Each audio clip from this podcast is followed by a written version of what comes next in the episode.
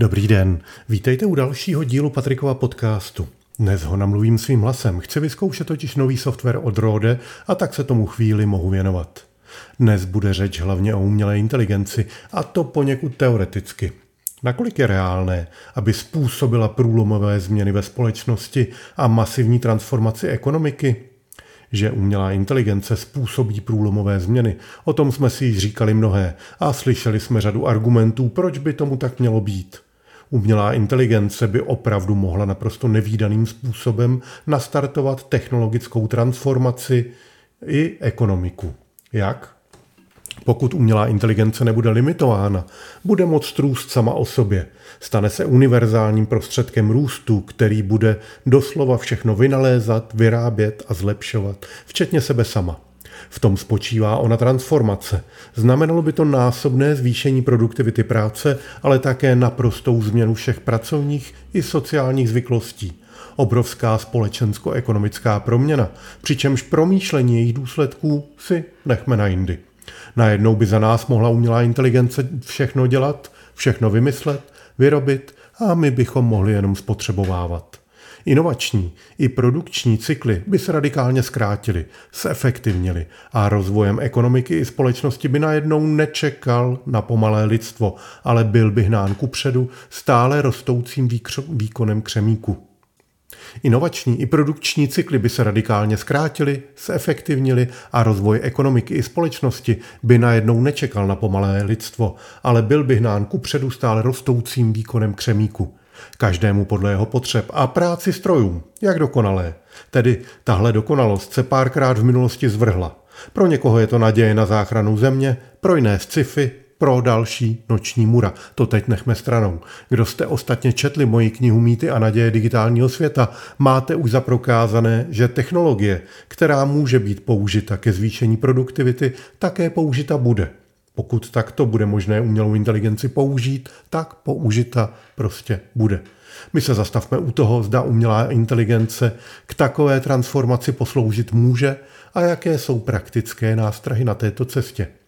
Především se musíme hned zastavit u domněnky, že na dosah je takzvaná obecná umělá inteligence, neboli AGI, která se bude umět vypořádat s veškerým typem úloh a nebude jednoučelová, jako jsou dnešní umělé inteligence, a nebo při nejmenším, že bude umělá inteligence obecně uplatnitelná pro všechny typy činností.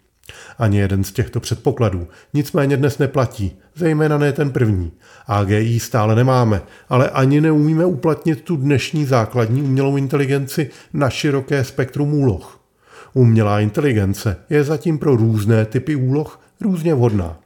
Zatímco běžné texty připraví snadno, s těmi právními je potíž dobře rozpozná radiologické snímky v nemocničním prostředí, ale napíchnout fyziologický roztok pacientovi ležícímu v téže nemocnici jí vůbec nejde. Jaké jsou výzvy, s nimi se umělá inteligence bude muset potýkat a jsou to limity, přes něž nejde jít? Problém úzkých hrdel – Zásadním problémem umělé inteligence je fakt, že dnes není schopna nahrazovat celou škálu lidských činností, nutných pro vývoj, výrobu a distribuci nějakého produktu. Zatímco někde lze umělou inteligenci použít ke škálování, tedy zvýšení výkonu a tím i produktivity, jinde ji tak použít neumíme. Už jen ten příklad z nemocnice. Umělá inteligence již dnes umí přesvědčivě posoudit snímky z nejrůznějších lékařských snímkovacích zařízení, od rentgenu přes magnetickou rezonanci. Umí dokonce vyrozumět pacienta a již dnes je myslitelné vyvinout pracoviště, kde je pacient osnímkován a diagnostikován, aniž by přišel do styku člově- s člověkem. Ponechme teď stranou, nakolik je to dnes v medicíně žádoucí. Jenže píchnutí injekce či zavedení fyziologického roztoku, nebo chcete-li vulgárněji utření zadku v téže nemocnice, umělá inteligence dnes schopná udělat není a ba dokonce není ani na dohled, že by mohla naradit, nahradit péči sestřiček, zatímco vzdělání doktorů by jí záhy nahradit mohla. Problematiku úzkých hrdel můžeme rozdělit do dvou podoblastí. Úzká hrdla na vstupu a úzká hrdla na výstupu. Začněme tím prvním, úzké hrdlo na výstupu. Tak například píchání injekcí či utírání zadků je právě ono úzké hrdlo na výstupu požadované služby a může být vyřešeno pokrokem v jemné motorice. Jenže v jemné motorice robotika nepostoupila řadu let, Paže robotů stále nejvíce závisí na servomotorech, táhlech a ozubených kolech. K efektivitě, jemnosti a přesnosti svaloviny mají laboratoři skoro stejně daleko jako před čtvrtstoletím. Nechat si píchnout injekci od robota je možné, ale zatím stále velmi stresující. Zlepšení jsou za ta léta marginální. Druhou variantou minimálně dočasného řešení je outsourcování takové činnosti na člověka, tedy ponechat tuto činnost na sestřičkách. Nevýhodou úzkého hrdla na výstupu je skutečnost, že dodání služby pomocí umělé inteligence neškáluje. Nelze uspokojit tolik zájemců, kolik by umožnila cena elektřiny, protože část výstupu dělá nelineárně škálující systém, typicky tedy člověk. Zjednodušeně řečeno, komunismus se odkládá. Stranou ponechme potvrzení Leninovy teze, že komunismus rovná se elektřina. Závažnějším omezením je úzké hrdlo na vstupu. V tom případě totiž neškáluje ani rozvoj samotné umělé inteligence. Ta pro svůj boom potřebuje data, data je třeba získávat experimenty a experimenty se zhusta provádějí postupy, které jsou fakticky dnes pro umělou inteligenci těžko dosažitelné. Například v Petriho miskách, s nimiž umělá inteligence mechanicky manipulovat zatím neumí podobně, jako neumí píchnout injekci. Opět máme dvě možnosti překonání. Outsourcing na lidskou ruku nebo simulaci pokusu. Úzká hrdla mají svůj dopad na produktivitu systému. Zjednodušeně řečeno, systém má takovou produktivitu jako jeho nejúžší hrdlo. Ačkoliv umělou inteligenci vybavíme dostatek křemíku a elektřiny, pokud nevyřešíme omezení na vstupu, nelze očekávat zásadní transformaci, pouze nahrazení části lidské práce prací počítače. Úzká místa brání explozivnímu růstu produktivity, jaký se právě AGI přisuzuje. Problematika nerovnoměrných inovací. Tohle je jen vstáhnutí problémů úzkého hrdla do makroekonomiky. Zjednodušeně řečeno je potřeba, aby inovace probíhaly rovnoměrně. Nemělo by význam vynalézat spalovací motor, když dejme tomu nemáte vynalezené palivo, nebo třeba technologii zpracování kovů, ze kterých je motor sestaven. Tohle se v běžném životě stává. Použitelný mobilní internet přišel na trh v roce 2007 s prvním iPhonem, ačkoliv internet i mobily byly v té době dávno známé, jen bylo potřeba dodělat některé technologie tak, aby byly technologie masově vyrobitelné a použitelné. Růst produktivity je také v tomto případě omezen mírou inovací v nejslabším potřebném odvětví. Může se stát, že umělá inteligence masivně produkuje, ale produktivita ekonomiky jako celku se prakticky nemění. Pouze dochází k dílčím substitucím. To je ostatně stav, který je vždy na počátku implementace nové technologie a ve kterém o tržním uplatnění technologie rozhodne to, zda se podaří držet v tempu rozvoj inovací v celém segmentu potřebném pro danou technologii. Dobrým příkladem jsou třeba baterie pro elektromobily. O uplatnění elektromobilů rozhoduje, zda se podaří je dostatečně zlevnit, skapacitnit a učinit rychle dobíjitelnými baterie právě v porovnání s cenou jiných paliv. Podobné je to také u AGI, jenže v jejím případě je potřebný záběr inovací ještě podstatně širší. A nemilme se, elektromobilům také trvalo 100 let, než se etablovali. Ne všechna data jsou dostupná.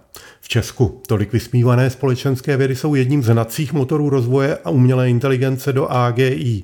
Velká část informací totiž není nikde zapsaná, dostupná. Jsou to jen kulturní a společenské zvyklosti sdílené v komunitě nebo pracovní postupy, které se předávají v rámci komunity, v rámci řemesla.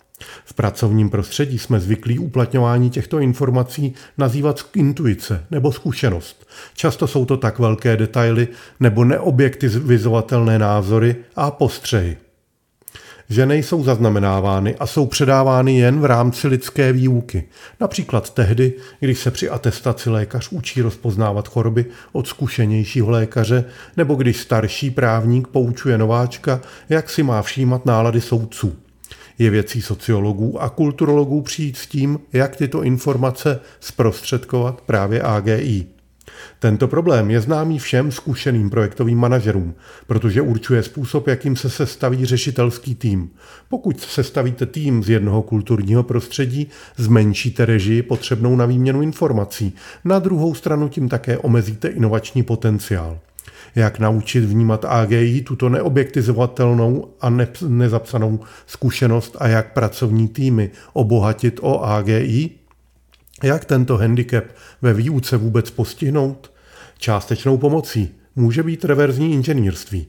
Již dnes je umělá inteligence schopna si zpětně sama odvodit postup, kdy zná výsledek. Pokud do ní nahrajete dost snímků onkologických pacientů a informací o jejich chorobě, umí najít vzor, podle něhož může diagnostikovat další snímky. Tento postup ale není vždycky zcela jednoduše možný. Předpokládám, že dalším řešením bude rozšíření škály senzorů, jimiž bude AGI disponovat tak, aby měla dostatečný přísun dat. Představte si mobilní telefon, který trvale snímá vše kolem vás a v centrálním cloudu se to snaží interpretovat ne proto, aby vás špicloval, ale aby vydestiloval tyto rozptýlené znalosti. Že si něco takového dobrovolně nikdy neaktivujete? Inu každá doba má své softwarová očička, která strašně legračně sledují pohyb kurzoru na obrazovce, což je taková narážka na software z přelomu tisíciletí. Tento software ve skutečnosti zjišťoval, co s počítačem děláte a jaké weby navštěvujete. Všichni jsme si ho rádi instalovali. Bude se AGI účastnit výuky na prestižních univerzitách a budou proti tomu univerzity protestovat? Ve skutečnosti jen málo rozumíme podstatě lidské inteligence, vědomí, morálky a lidskosti. A tam, kde víme, to příliš málo akceptujeme sami, natož abychom to promítali do digitálních systémů. Syntéza společenských věd s technologiemi je pro další rozvoj AGI nezbytná a my jsme s ní ani nezačali. Tři Asimovy zákony robotiky nestačí a jen tak mimochodem pro použití v AGI jsou mýtem socioekonomické a regulatorní překážky. I tohle je těžko uchopitelná část, ale ve skutečnosti o prosazení se transformativních technologií ve společnosti rozhodovalo konkrétní nastavení společnosti. Ne bez důvodu vznikla průmyslová revoluce v Británii a ne jinde v Evropě, ačkoliv doba v Evropě byla takzvaně těhotná myšlenkou průmyslové revoluce, industrializace a parního stroje. Jenže socioekonomické podmínky byly příznivé právě tam, v Británii, která se tím také stala velikou. Dnes je přitom velmi těžké říct, které socioekonomické a jiné podmínky jsou stěžejní a přispějí pozitivně či negativně. Zdá se například, že otevřená společnost je teď vhodnější pro růst inovací, ale bude tomu tak dlouhodobě?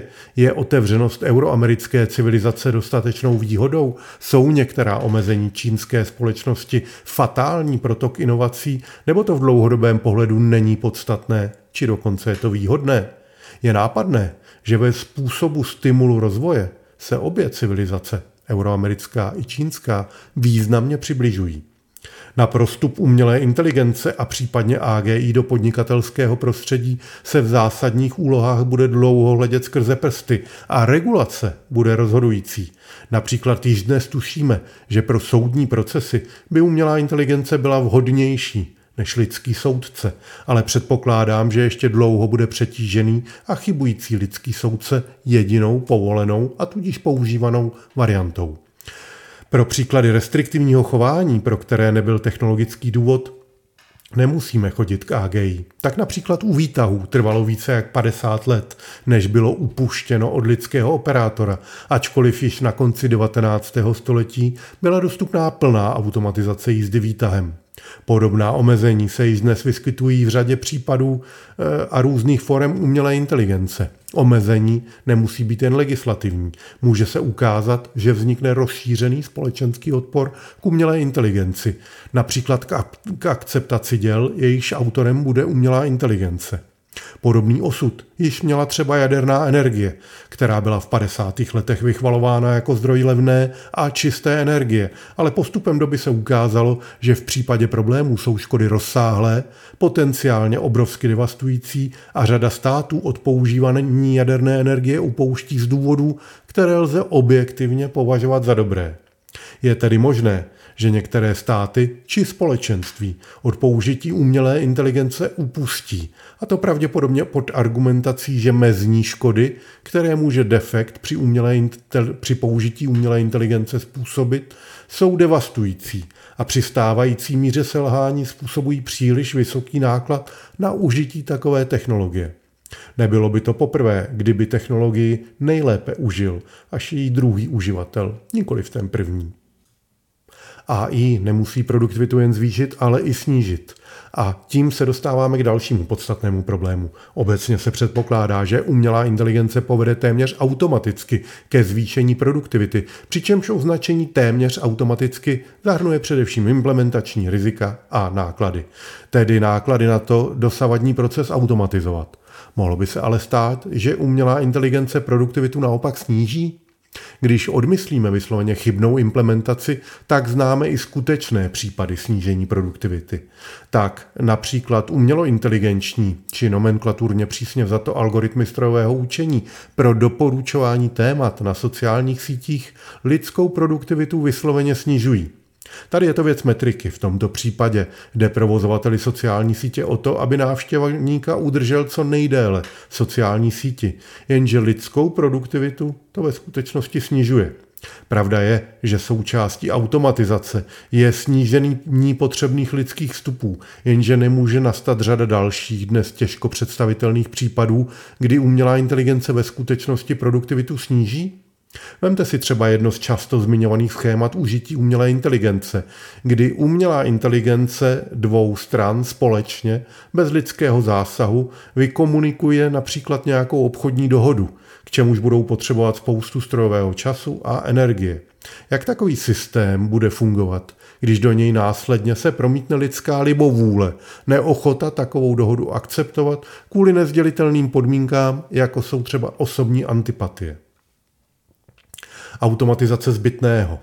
V takovém případě dosáhneme zbytečné automatizace, při níž vyplýtváme náklady, přínosy ale nebudou podstatné.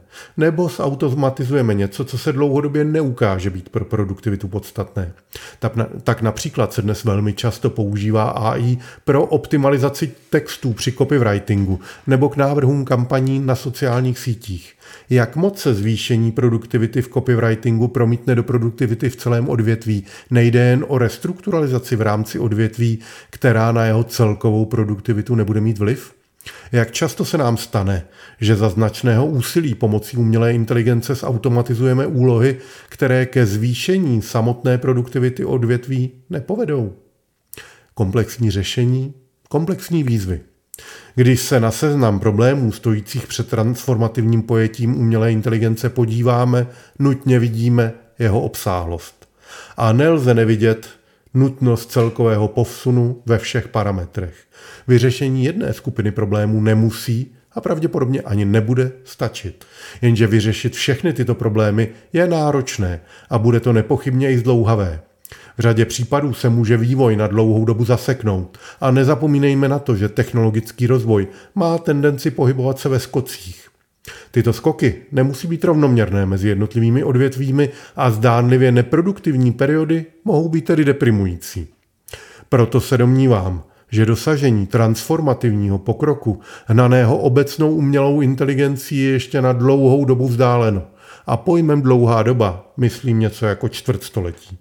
Umělá inteligence teď absorpcí velkých jazykových modelů udělala obrovský skok, jenže další skoky nejsou úplně na dohled, alespoň ne ty o takovémto rozměru. To neznamená, že nemohou přijít a statistika nám ani příliš nepomůže. Až přijdou, tak přijdou a zpětně viděno bude jasné, že se k ním schylovalo ale také ekonomika a společnost potřebuje absorbovat relokaci zisků. Bývá zvykem, že nástup nové technologie se zpomalí poté, co se trh přerozdělí, jako se tomu stalo ve všech třech fázích internetu. To v době, kdy noví vítězové si budou chtít vyzdvihnout a především užít své zisky. Zabýváme-li se tedy riziky umělé inteligence, můžeme se právem domnívat, že v nejbližších letech nenarazíme na onu existenční hrozbu, kterou do ní promítá sci-fi literatura a kritikové AI – je možné, že samoředitelný automobil chybou v algoritmu přejede svého pána, bude heknut, nebo že umělá inteligence v dronu postřílí své vlastní vojáky. Ale tyto scénáře jsou na úplně jiné koleji než obecná spoura strojů vůči lidem. A nejpalčivější škody umělé inteligence blízké budoucnosti jsou její snadné zneužití pro nekalé účely a také její předpojatost. Pro sledování rozvoje AGI je nutné sledovat a vyhodnocovat pokrok a rizika v široké škále odvětví, od samotných samoučících algoritmů přes propojení sociálních věd s AI až třeba pojemnou servo a především biomechaniku. Výzvy obnělé, obecné umělé inteligence jsou dnes mnohem širší, než se zdá. A to je, myslím, dobrý závěr a konec našeho povídání. Přeju vám hezký start do nového týdne a těším se příště zase naslyšenou.